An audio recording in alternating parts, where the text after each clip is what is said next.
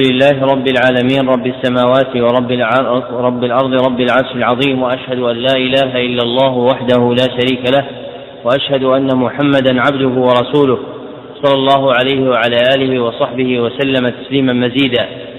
أما بعد فهذا هو المجلس الثالث من الدرس الثاني من برنامج اليوم الواحد الثاني والكتاب المقروء فيه هو كتاب مقاصد الصوم لأبي محمد ابن عبد السلام السلمي رحمه الله تعالى وقد انتهت بنا قراءته إلى الفصل التاسع وهو في صوم التطوع. نعم. بسم الله الرحمن الرحيم. قال رحمه الله تعالى الفصل التاسع في صوم التطوع الأول في غب التطوع الأول في غب الصوم قال صلى الله عليه وسلم إن أحب الصيام إلى الله صيام داود. وأحب الصلاة إلى الله صلاة داود عليه السلام. كان ينام نصف الليل ويقوم ثلثه وينام سدسه وكان يصوم يوما ويفطر يوما ولا يفر إذا لاقى وعن عبد الله بن عمرو بن العاص قال أخبر رسول الله صلى الله عليه وسلم أني أقول والله لأصومن النهار ولأقومن الليل ما عشت. فقلت له بأبي أنت وأمي. قال فإنك لا تستطيع ذلك فصم وأفطر ونم وقم وصم من الشهر ثلاثة أيام فإن الحسنة بعشر أمثالها وذلك مثل صيام الدهر. قلت إني أطيق أكثر من ذلك. قال فصم يوما وأفطر يوما فذلك صيام داود وهو أفضل الصيام. قلت بأبي أطيق أكثر من ذلك. فقال النبي صلى الله عليه وسلم لا أفضل. وإنما فضل رسول الله صلى الله عليه وسلم صوم الغب في هذا الحديث لسببين. أحدهما أن ابن عم كان لا يحتمل أكثر من ذلك بدليل أنه عليه الصلاة والسلام قال له فإنك إذا فعلت ذلك نفهت, نفس نفهت نفسك وغارت عيناك. فأخبره صلى الله عليه وسلم أنه أفضل صومه الغب والثاني أنه صلى الله عليه وسلم ذكر أنه صوم داود وذكر أنه لم يؤثر في قوى داود في قوله وكان لا يفر إذا لاقى فعلى هذا يكون حديث ابن عمرو مخصوصا بأفضل الصوم وحق كل من ين وحق كل من ينهك الصوم الصوم قواه بأفضل الصوم في حق كل من ينهك. فعلى هذا يكون حديث ابن عمرو مخصوصا بأفضل الصوم. في حق كل من ينهك الصوم قواه فإن الغالب على الصحابة أنهم إنما كانوا يسألون عن أفضل الأعمال ليتعاطوه وكان رسول الله صلى الله عليه وسلم يفهم منهم ذلك فيجيب كل واحد منهم على حسب ما فهم منه. ولهذا سأل رجل أي الأعمال أفضل؟ فقال فقال الصلاة فقال الصلاة فقال الصلاة لأول وقتها وسأله آخر آخر. أي الأعمال أفضل؟ فقال بر الوالدين. وسأله آخر أي الأعمال أفضل؟ فقال الجهاد في سبيل الله. فأجاب كل واحد منهم على ما فهمه من تخصيص سؤاله بأعمال نفسه. فكأنه قال للأول أفضل أعمالك الصلاة لأول وقتها. وقال للثاني أفضل أعمالك بر الوالدين وقال للثالث أفضل دين وقال للثالث أفضل أعمالك الجهاد في سبيل الله. ولولا تنزيل هذه الأحاديث على هذه القاعدة لكانت متناقضة ومنصب الرسول صلى الله عليه وسلم أجل أن يصدر منه قول متناقض. فعلى هذا صوم الدهر في حق من أفطر في الأيام المحرمة إذا كان مطيقا له لا يؤثر في لا يؤثر في جسده ولا يقعده عن شيء من الطاعات التي كان يفعلها الأقوياء أفضل من أفضل من الغد لأن الجزاء على قدر الأعمال على ما تمهد على ما تمهد في الشريعة أن من جاء بالحسنة فله عشر أمثالها. وإنما قوله صلى الله عليه وسلم من صام الأبد فلا صام.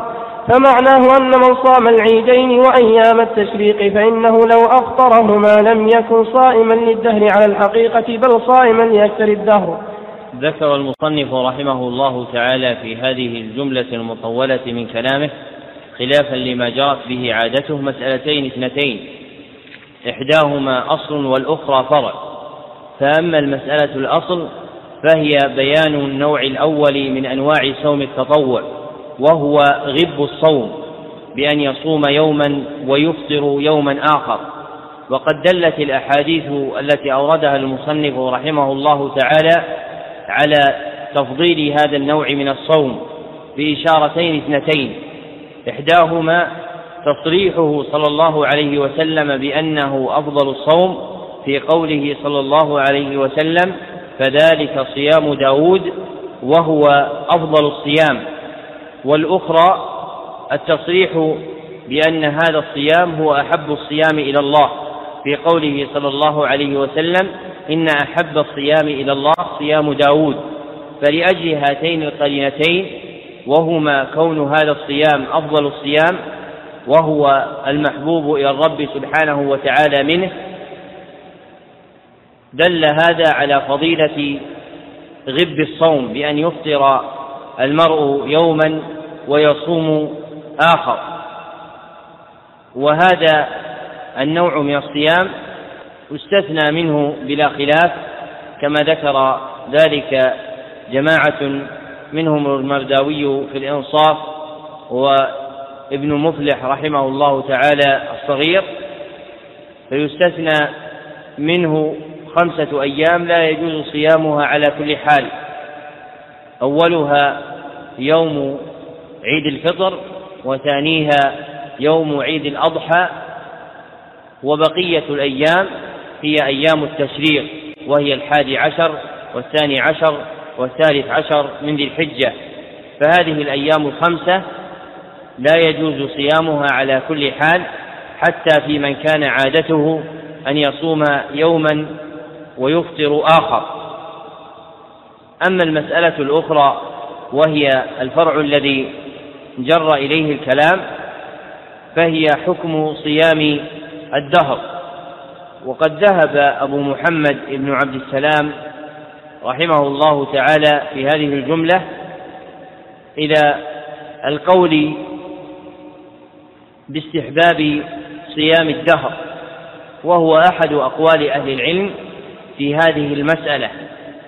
وفيما ذكره رحمه الله تعالى من وجه الدلالة نظر كما بينه ابن القيم رحمه الله تعالى مطولا في زاد المعاد فإنه أحسن بحث هذه المسألة. والمختار هو أن صيام الدهر مكروه كما هو قول إسحاق بن راهويه ورواية عن الإمام أحمد. واختارها من أصحابه أبو عبد الله ابن القيم رحمه الله تعالى رحمة واسعة لأن النبي صلى الله عليه وسلم قال لا أفضل من ذلك يعني ليس هناك صيام أفضل من صيام داود وهو أن يصوم العبد يوما ويفطر يوما آخر نعم.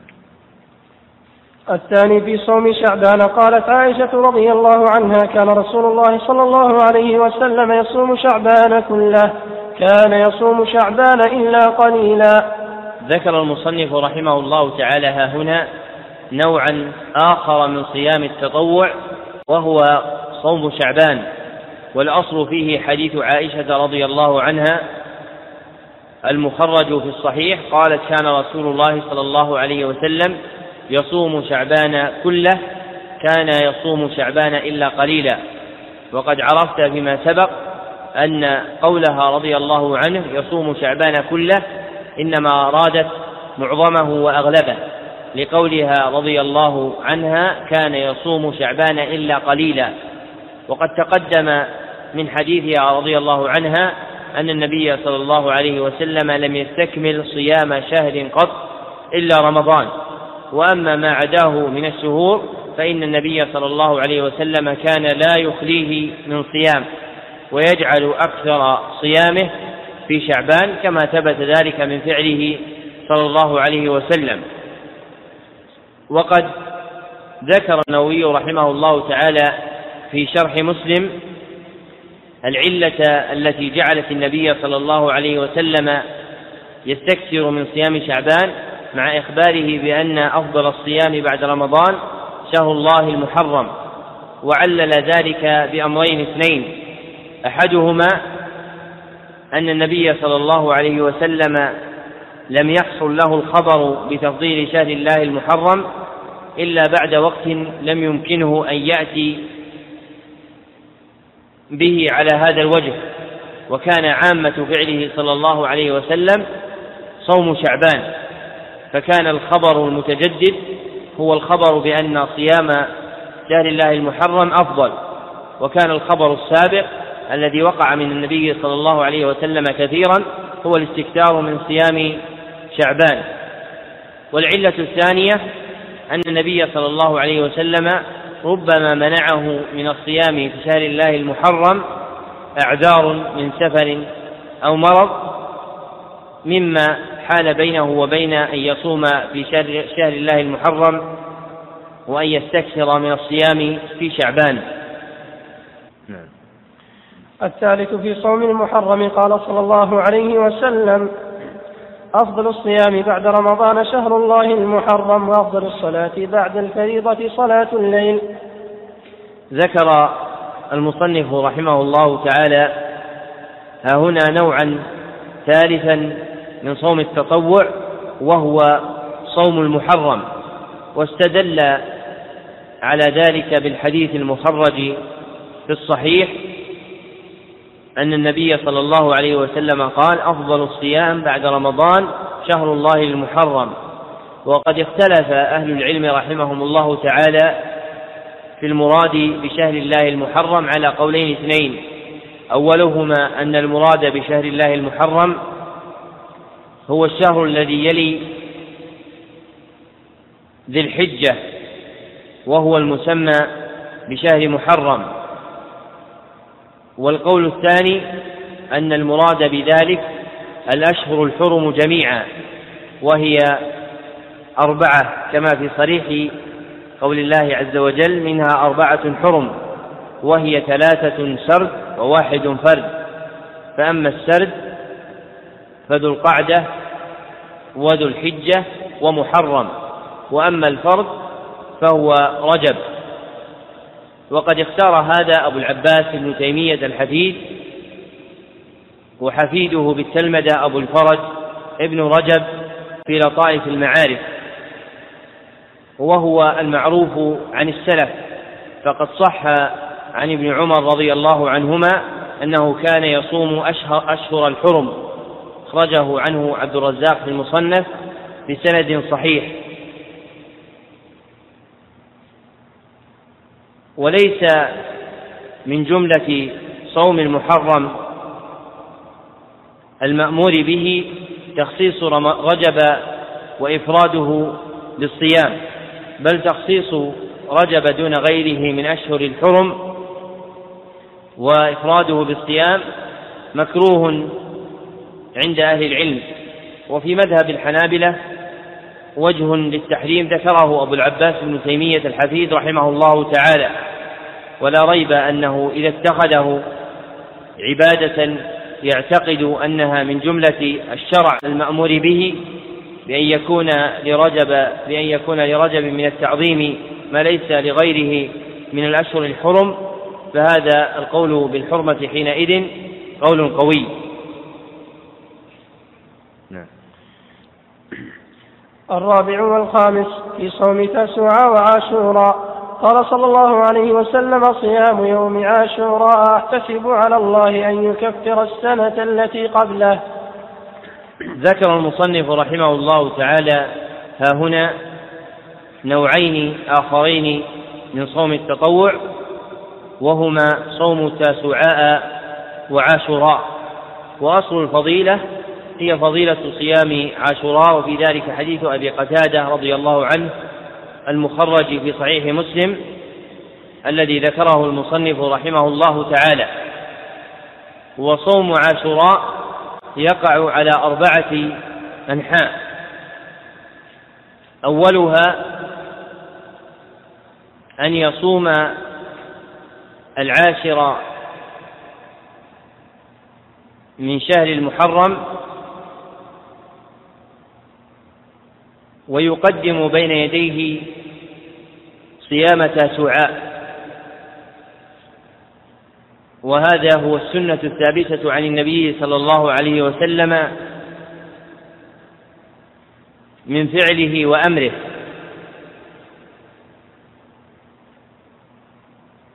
والثاني إفراد يوم عاشوراء بالصيام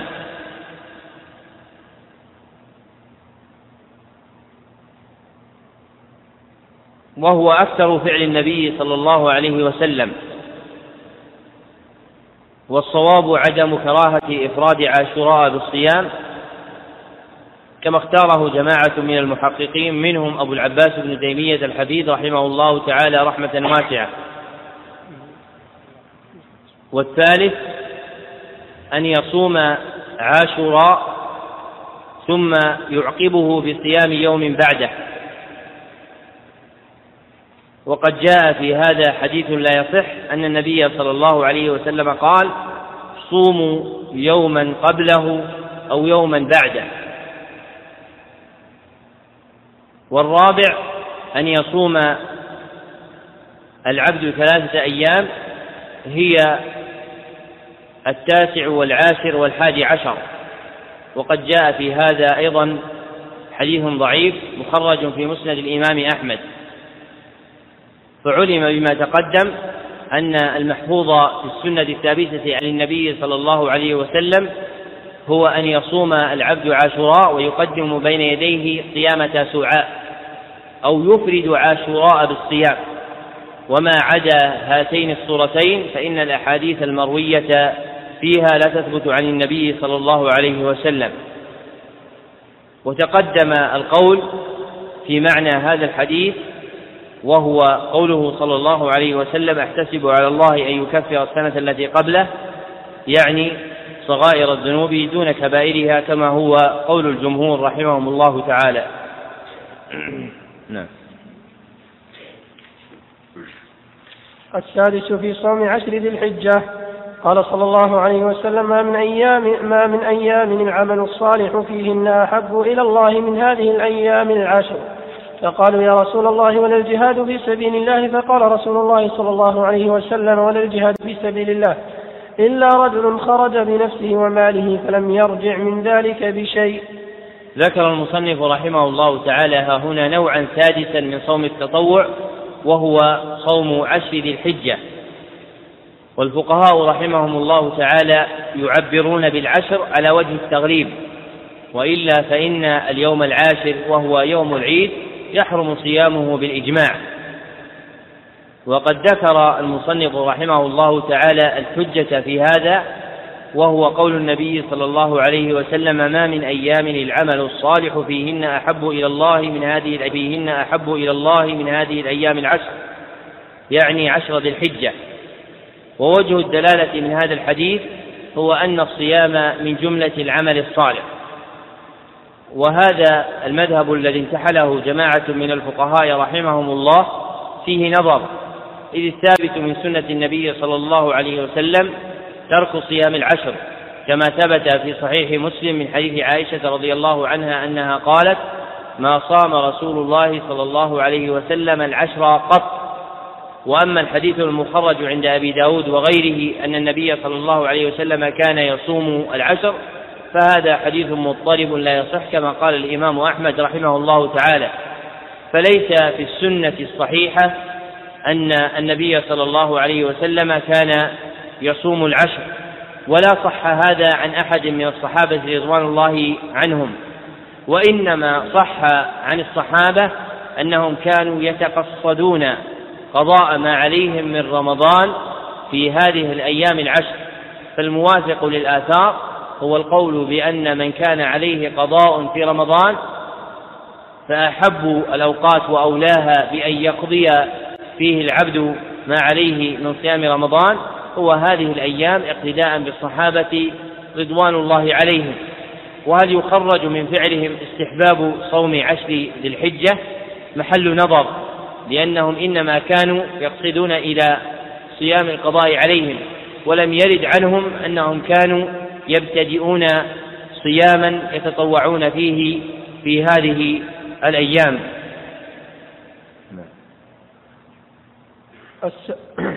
السابع في صوم يوم عرفة. قال صلى الله عليه وسلم صيام يوم عرفة أحتسب على الله أن يكفر السنة التي قبله والسنة التي بعده. والأولى لمن كان حاجا بعرفة أن يفطر لأن فضيلة دعاء عرفة يفوت والصوم لا يفوت. وقالت لبابة بنت الحارث إن ناسا تماروا عندها يوم عرفة في صوم عندها يوم عرفة في صوم رسول الله صلى الله عليه وسلم. فقال بعضهم هو صائم وقال بعضهم ليس بصائم. فأرسلت إليه بقدح لبن وهو واقف على بعيره فشرب فشربه.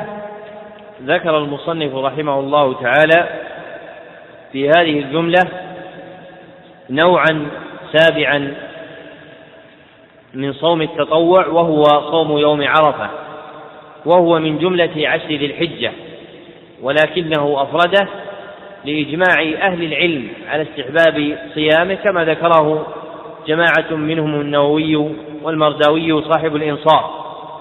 وقد صح فيه الحديث الذي ذكره المصنف رحمه الله تعالى وهو مخرج في صحيح مسلم وفيه بيان فضيلة صيام يوم عرفة وأنه يكفر سنتين إحداهما السنة التي قبله والأخرى السنة التي بعده. وتقدم أن الذنوب التي يستغرقها التكفير هي الصغائر دون الكبائر كما هو مذهب الجمهور. ومحل الاستحباب إنما هو في حق من لم يكن حاجا أما من كان حاجا بعرفة فإن السنة في حقه أن يكون مفطرا. كما ثبت هذا عن النبي صلى الله عليه وسلم في هذا الحديث الذي ذكره المصنف رحمه الله تعالى. أما الحديث الوارد في النهي عن صيام يوم عرفة لمن كان بعرفة فهذا حديث ضعيف لا يثبت عن النبي صلى الله عليه وسلم. وأكثر الصحابة على النهي عن صيام العبد في يوم عرفة. وصح عن بعضهم كعثمان ابن أبي العاص رضي الله عنه أنه كان يصوم يوم عرفة بعرفة إلا أن الأولى الأخذ بالسنة. ولما في ذلك من توفير قوى العبد على دعاء الله عز وجل في ذلك الموقف العظيم. ولأن فضيلة الدعاء حينئذ تفوت وأما صوم يوم عرفة فإنه لا يفوت على العبد فإنه يمكنه أن يصومه في أي بلد حل. الثامن في أيام البيض.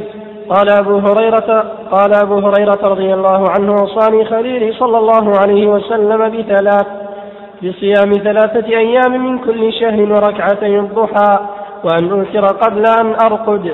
فقال أبو ذر رضي الله عنه قال رسول الله صلى الله عليه وسلم من صام من كل شهر ثلاثة أيام فذلك صيام الدهر فأنزل الله تصديق ذلك في كتابه. من جاء بالحسنة فله عشر أمثالها اليوم بعشر بعشرة أيام. وقال أبو ذر وقال أبو ذر رضي الله عنه أمرنا رسول الله صلى الله عليه وسلم بصيام ثلاثة أيام البيض ثلاثة عشر وأربعة عشر وخمسة عشر. ذكر المصنف رحمه الله تعالى ها هنا نوعا ثامنا من صوم التطوع وهو صيام أيام البيض. والبيض وصف لليالي فإن تقدير الكلام في أيام الليالي البيض لأن الأيام كلها بيض. أما الليالي فإنها تختص بالليالي التي يعظم فيها البدر ويتكامل فتكون بيضاء منيرة بمثابة النهار. ومن هنا ذهب بعض أهل العلم كما حكاه الجواليقي والناجي في عجالة التذنيب إلى أن قول القائل صوم الأيام البيض بأنه خطأ لأن الأيام كلها بيض. وسوغ الحافظ أبو الفضل ابن حجر رحمه الله تعالى في الفتح ذلك وصححه من جهة أن تلك الأيام يستوي فيها الليل والنهار من جهة الضياء والبياض. فصحح أبو الفضل ابن حجر رحمه الله تعالى أن يقال الأيام البيض وأيام البيض على حد سواء إلا أن القول الأول أوثق وأقوى فيقول المعبر إذا أراد أن ينشئ جملة متعلقة بهذه المسألة يقول أيام البيض على تقدير أيام الليالي البيض. وقد رويت عن النبي صلى الله عليه وسلم في صيام أيام البيض أحاديث أثبتها حديث جرير بن عبد الله رضي الله عنه المخرج عند النسائي في السنن وإسناده صحيح كما قال الحافظ أبو الفضل ابن حجر في فتح الباري. أما حديث أبي ذر المشهور الذي أورده المصنف رحمه الله تعالى فإنه حديث ضعيف لا يثبت. اختلف فيه رواته واضطربوا اضطرابا شديدا. والثابت في ذلك هو حديث جرير رضي الله عنه المخرج في سنن النسائي وقد صححه الحافظ ابن حجر كما عرفت سابقا. وفيه تعيين هذه الأيام الثلاثة وهي اليوم الثالث عشر والرابع عشر والخامس عشر. فيشرع للعبد أن يتنفل تطوعا بصيام هذه الأيام وتقدم أن النبي صلى الله عليه وسلم من فعله كان لا يبالي أي أيام الشهر صام. وقد رويت في تعيين هذه الأيام كما تقدم أحاديث ضعيفة لا تثبت أعني في فعله صلى الله عليه وسلم. وأما من قوله صلى الله عليه وسلم فثبت حثه صلى الله عليه وسلم على صيام أيام البيض التي تقدم ذكرها. وقد ذكر أهل الطب وجها حسنا لاستحباب هذه الأيام وقد نقله عنهم جماعة منهم ابن القيم في زاد المعاد وهو أن الدم أشد ما يكون ثورانا وجولانا وحركة في هذه الأيام. فإذا صام العبد كان في ذلك تسكينا لدورانه وتقوية لمادته. وقد كتبت في ذلك بعض البحوث المعاصرة الموافقة لهذا الحديث الذي لا يرتاب مؤمن في عظيم منفعته ولو لم في عظيم منفعته ولو لم تأتي هذه الأبحاث لكن هذه شواهد على عظيم منة هذه الشريعة على العباد وأنها قد جاءت بأكمل الأحوال التي تستقيم بها أمورهم في الدنيا والآخرة. فينبغي للعبد أن يلظ بها جميعا صغيرها وكبيرها لا يفرق بين شيء منها فإن الله عز وجل قال يا أيها الذين آمنوا ادخلوا في السلم كافة يعني في الإسلام كله لا فرق بين دقيق أحكامه ولا جليلها وقد نقل المرداوي رحمه الله تعالى في الإنصاف الإجماع على استحباب صيام أيام البيض. التاسع والعاشر في صوم الاثنين والخميس. سئل رسول الله صلى الله عليه وسلم عن صوم يوم الاثنين فقال فيه ولدت وفيه أنزل علي. فقالت عائشة رضي الله عنها كان النبي صلى الله عليه وسلم يتحرى صوم الاثنين والخميس. وقال أبو هريرة رضي الله عنه قال رسول الله صلى الله عليه وسلم تعرض الأعمال يوم الاثنين والخميس وأحيانا يعرض علي وأنا صائم. وأحب أن يعرض. عملي وأنا صائم. صلى الله عليه وأحب أن يعرض عملي وأنا صائم. ذكر المصنف رحمه الله تعالى في هذه الجملة نوعين آخرين من صوم التطوع هما التاسع والعاشر وهما صوم يوم الاثنين والخميس. وذكر رحمه الله تعالى الأحاديث الدالة على ذلك. فأما صيام يوم الاثنين ففيه الحديث الأول وهو مخرج في صحيح مسلم. وأما صيام يوم الخميس ففيه أحاديث لا تثبت عن النبي صلى الله عليه وسلم. وكل الأحاديث المروية في صوم يوم الخميس فيها ضعف ولا تسلم من علة. إلا أن بعض الفقهاء رحمهم الله نقلوا الإجماع على استحباب صوم الاثنين والخميس. منهم النووي رحمه الله تعالى في المجموع وابن هبيرة في الإفصاح. فصح بهذا الإجماع استحباب صيام يوم الخميس. وقد ثبت عن عمر رضي الله عنه أنه كان يصوم هذين اليومين. كما ثبت عن ابن عباس رضي الله عنهما أنه كره صوم الاثنين والخميس.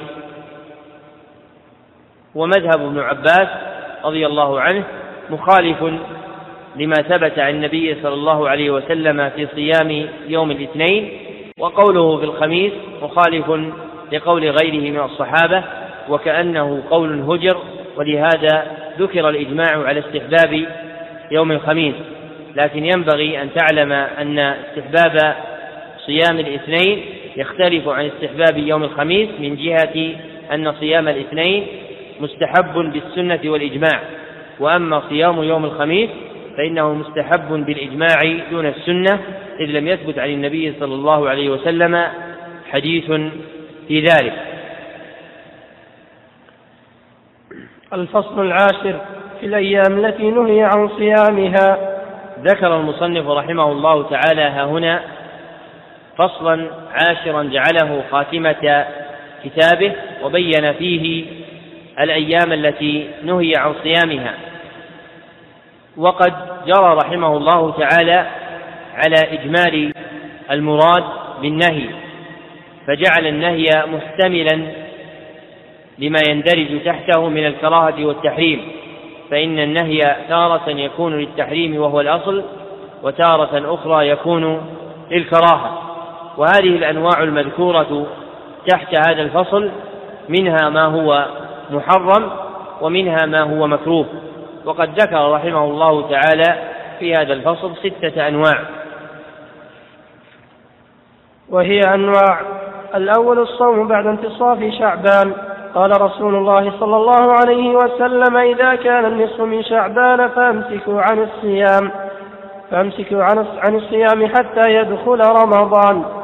ذكر المصنف رحمه الله تعالى النوع الأول مما ينهى عن صيامه وهو الصيام بعد انتصاف شعبان فإذا كان النصف من شعبان فإن العبد ينهى عن الصيام بعده.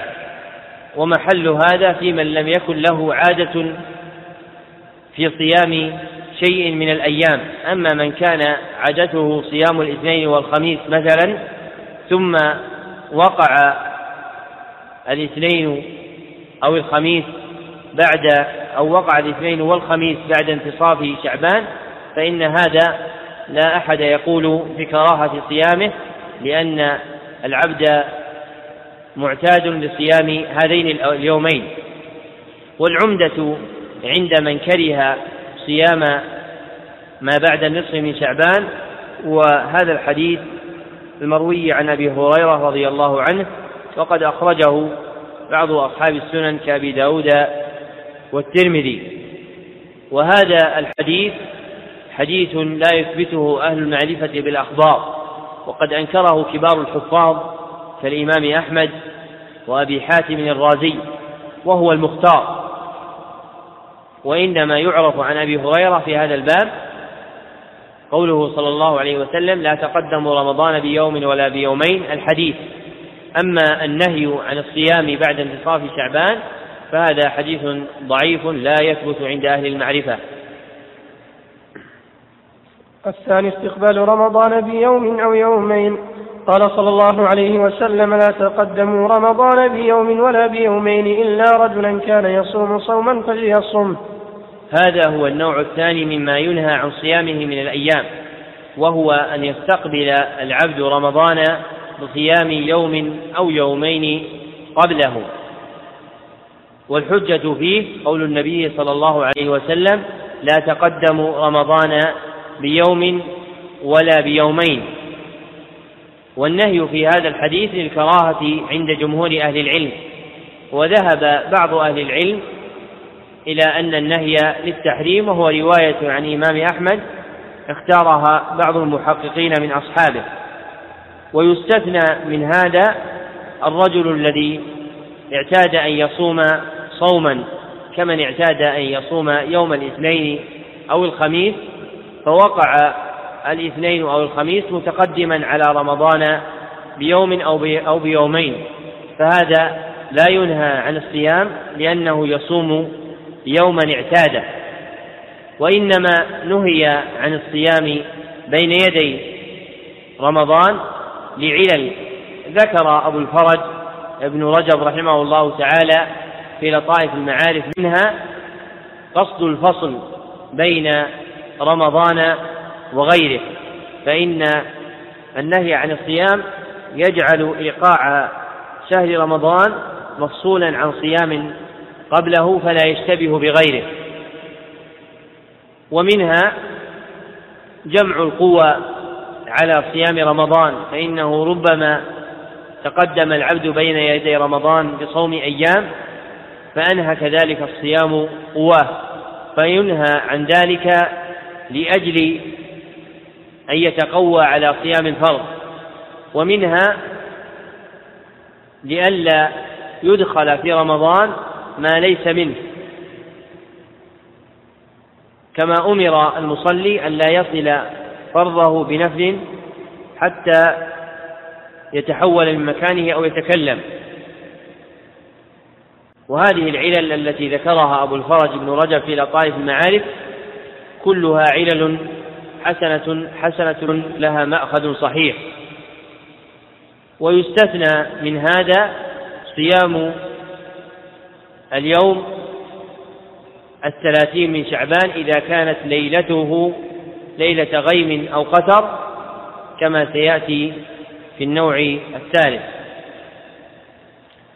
الثالث صوم يوم الشك قال عمار بن ياسر رضي الله عنه. من صام يوم الشك فقد عصى أبا القاسم صلى الله عليه وسلم.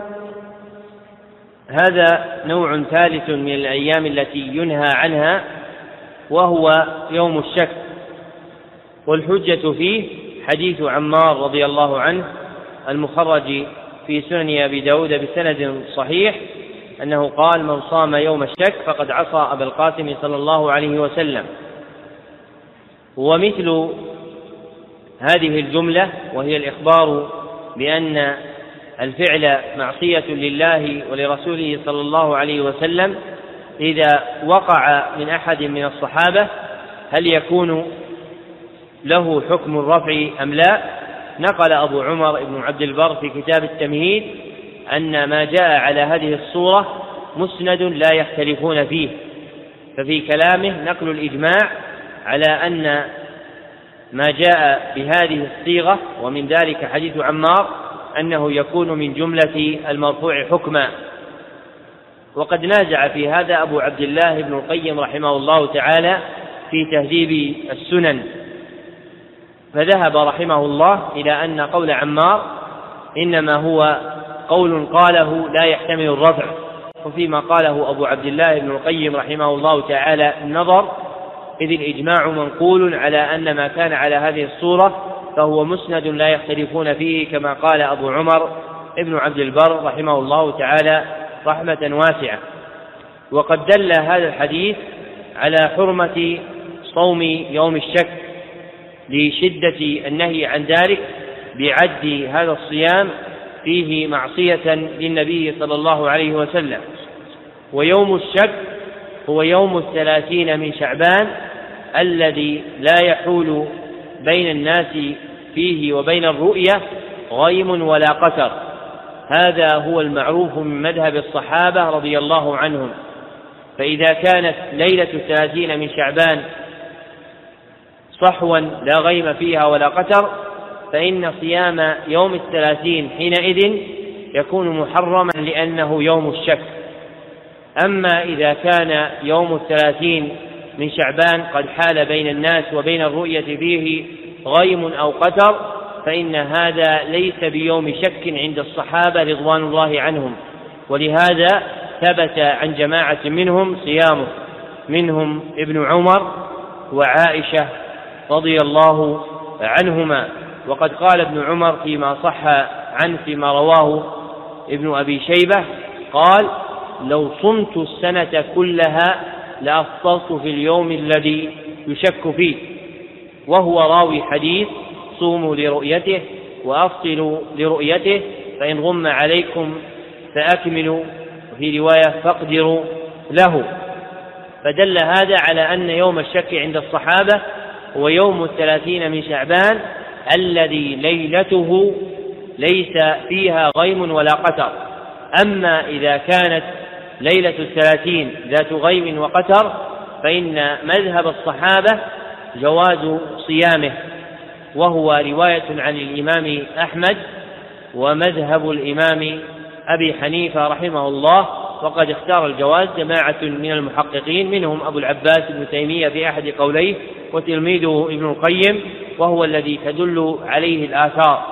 فعرف بهذا الفرق بين يوم الشك وغيره من الأيام التي يختم بها الشهر. فإذا كانت الليلة ذات غيم وقتر فإن صبيحتها من الثلاثين من شعبان لا يكون يوم شك. أما إذا كانت الليلة صحوا فحينئذ يكون ذلك اليوم يوم شك. وفيه حديث عمار وفيه حديث أبي هريرة رضي الله عنه الذي تقدم لا يتقدم رمضان بيوم ولا بيومين ويكون صيام يوم الثلاثين الذي حال بين الناس ورؤية الهلال فيه غيم ولا قتر يكون مستثنى لفعل الصحابة رضوان الله عليهم وهم أدرى بالشريعة وأعرف بالأحكام رضي الله عنهم. الرابع صوم العيدين الرابع صوم العيدين عن أبي هريرة رضي الله عنه أن رسول الله صلى الله عليه وسلم نهى عن صيام يومين يوم الأضحى ويوم الفطر. وقال عمر بن الخطاب رضي الله عنه هذان يومان نهى رسول الله صلى الله عليه وسلم عن صيامهما. يوم فطركم من صيامكم واليوم الآخر يأكلون فيه من نسككم. ذكر المصنف رحمه الله تعالى نوعا رابعا من الأيام التي نهي عن صيامها وهو صوم العيدين. وفيه الأحاديث الثابتة عن النبي صلى الله عليه وسلم التي ذكرها المصنف وهو مخرجة في الصحيح. وقد نقل الإجماع على حرمة صوم العيدين والمراد بالعيدين يوم الفطر ويوم الأضحى. وما يلي يوم الفطر وما يلي يوم الفطر فإنه لا يسمى عيدا. فما يعتقده الناس من أن الثاني فما يعتقده الناس من أن الثاني من شوال أو الثالث من شوال أو الرابع من شوال هو عيد فهذا غلط على الشريعة. فإن عيد الفطر ليس إلا يوما واحدا وهو غرة شهر شوال وما يليه من الأيام فليس من جملة العيد. وأما يوم الأضحى فإن العاشر من الحجة هو يوم عيد الأضحى. وأما الأيام التي تليه فإنها عيد لكنها غير مندرجة في مسمى عيد الأضحى. بل هي أيام التشريق. الله. بل هي أيام التشريق. وإنما يختص يوم عيد الأضحى باليوم العاشر من ذي الحجة.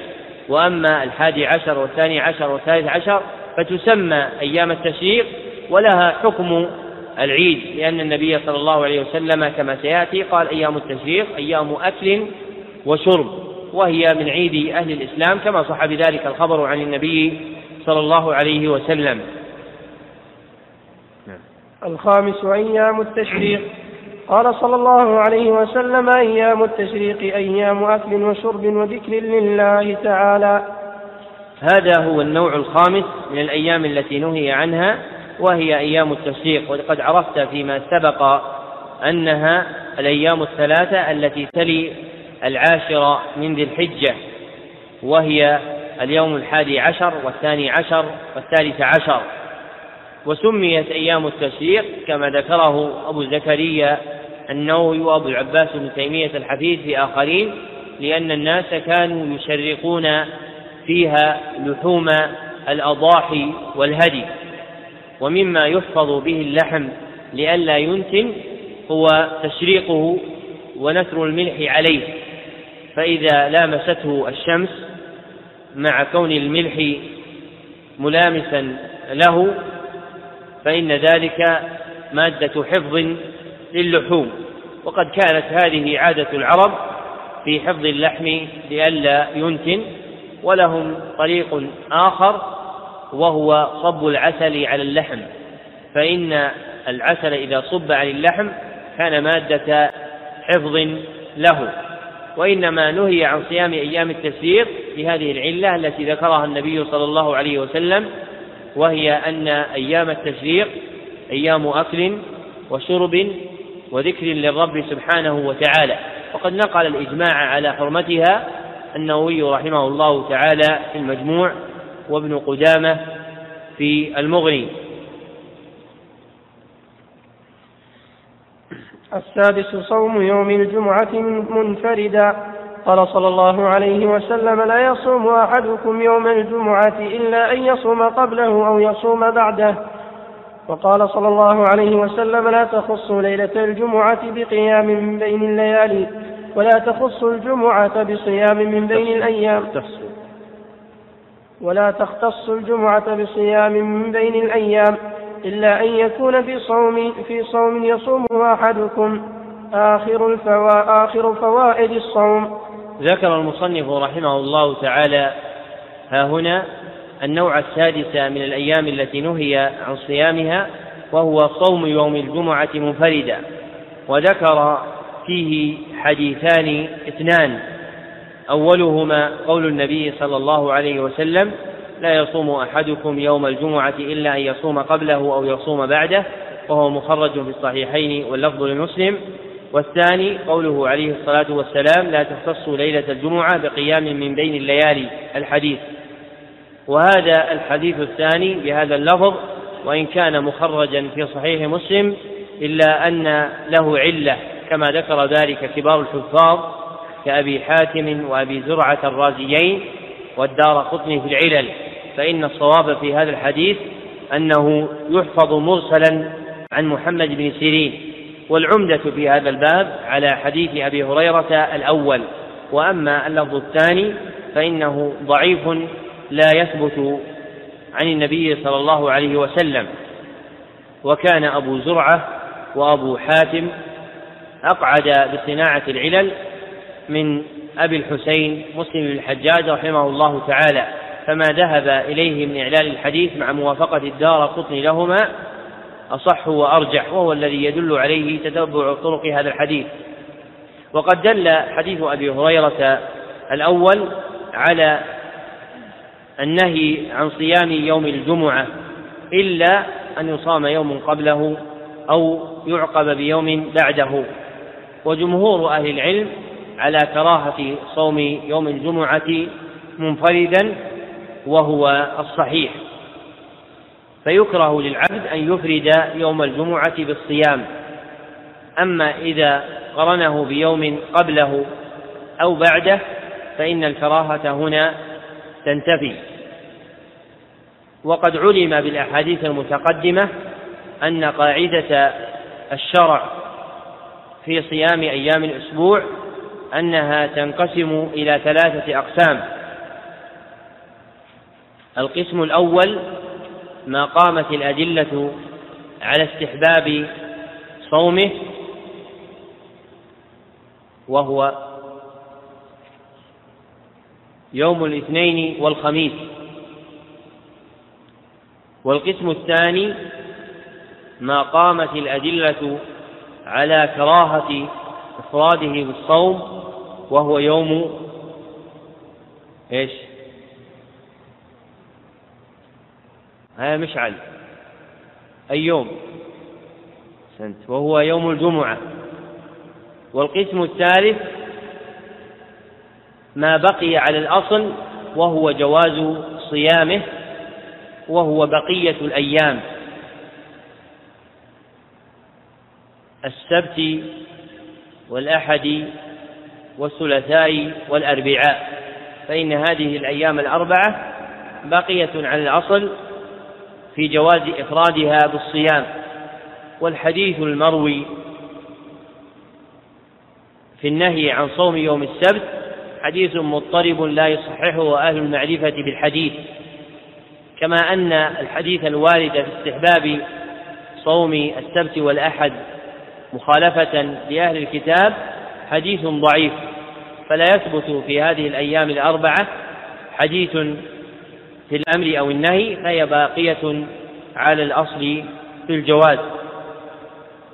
وهذا آخر ما يتعلق بالتقرير على هذا الكتاب النافع الماتع الذي أحسن مصنفه في ترتيبه وكمل حسنه باعتنائه ببناء المسائل على الأدلة الشرعية دون تطويل لها بذكر خلاف أهل العلم فإن هذا أجمع للطالب وأنفع له.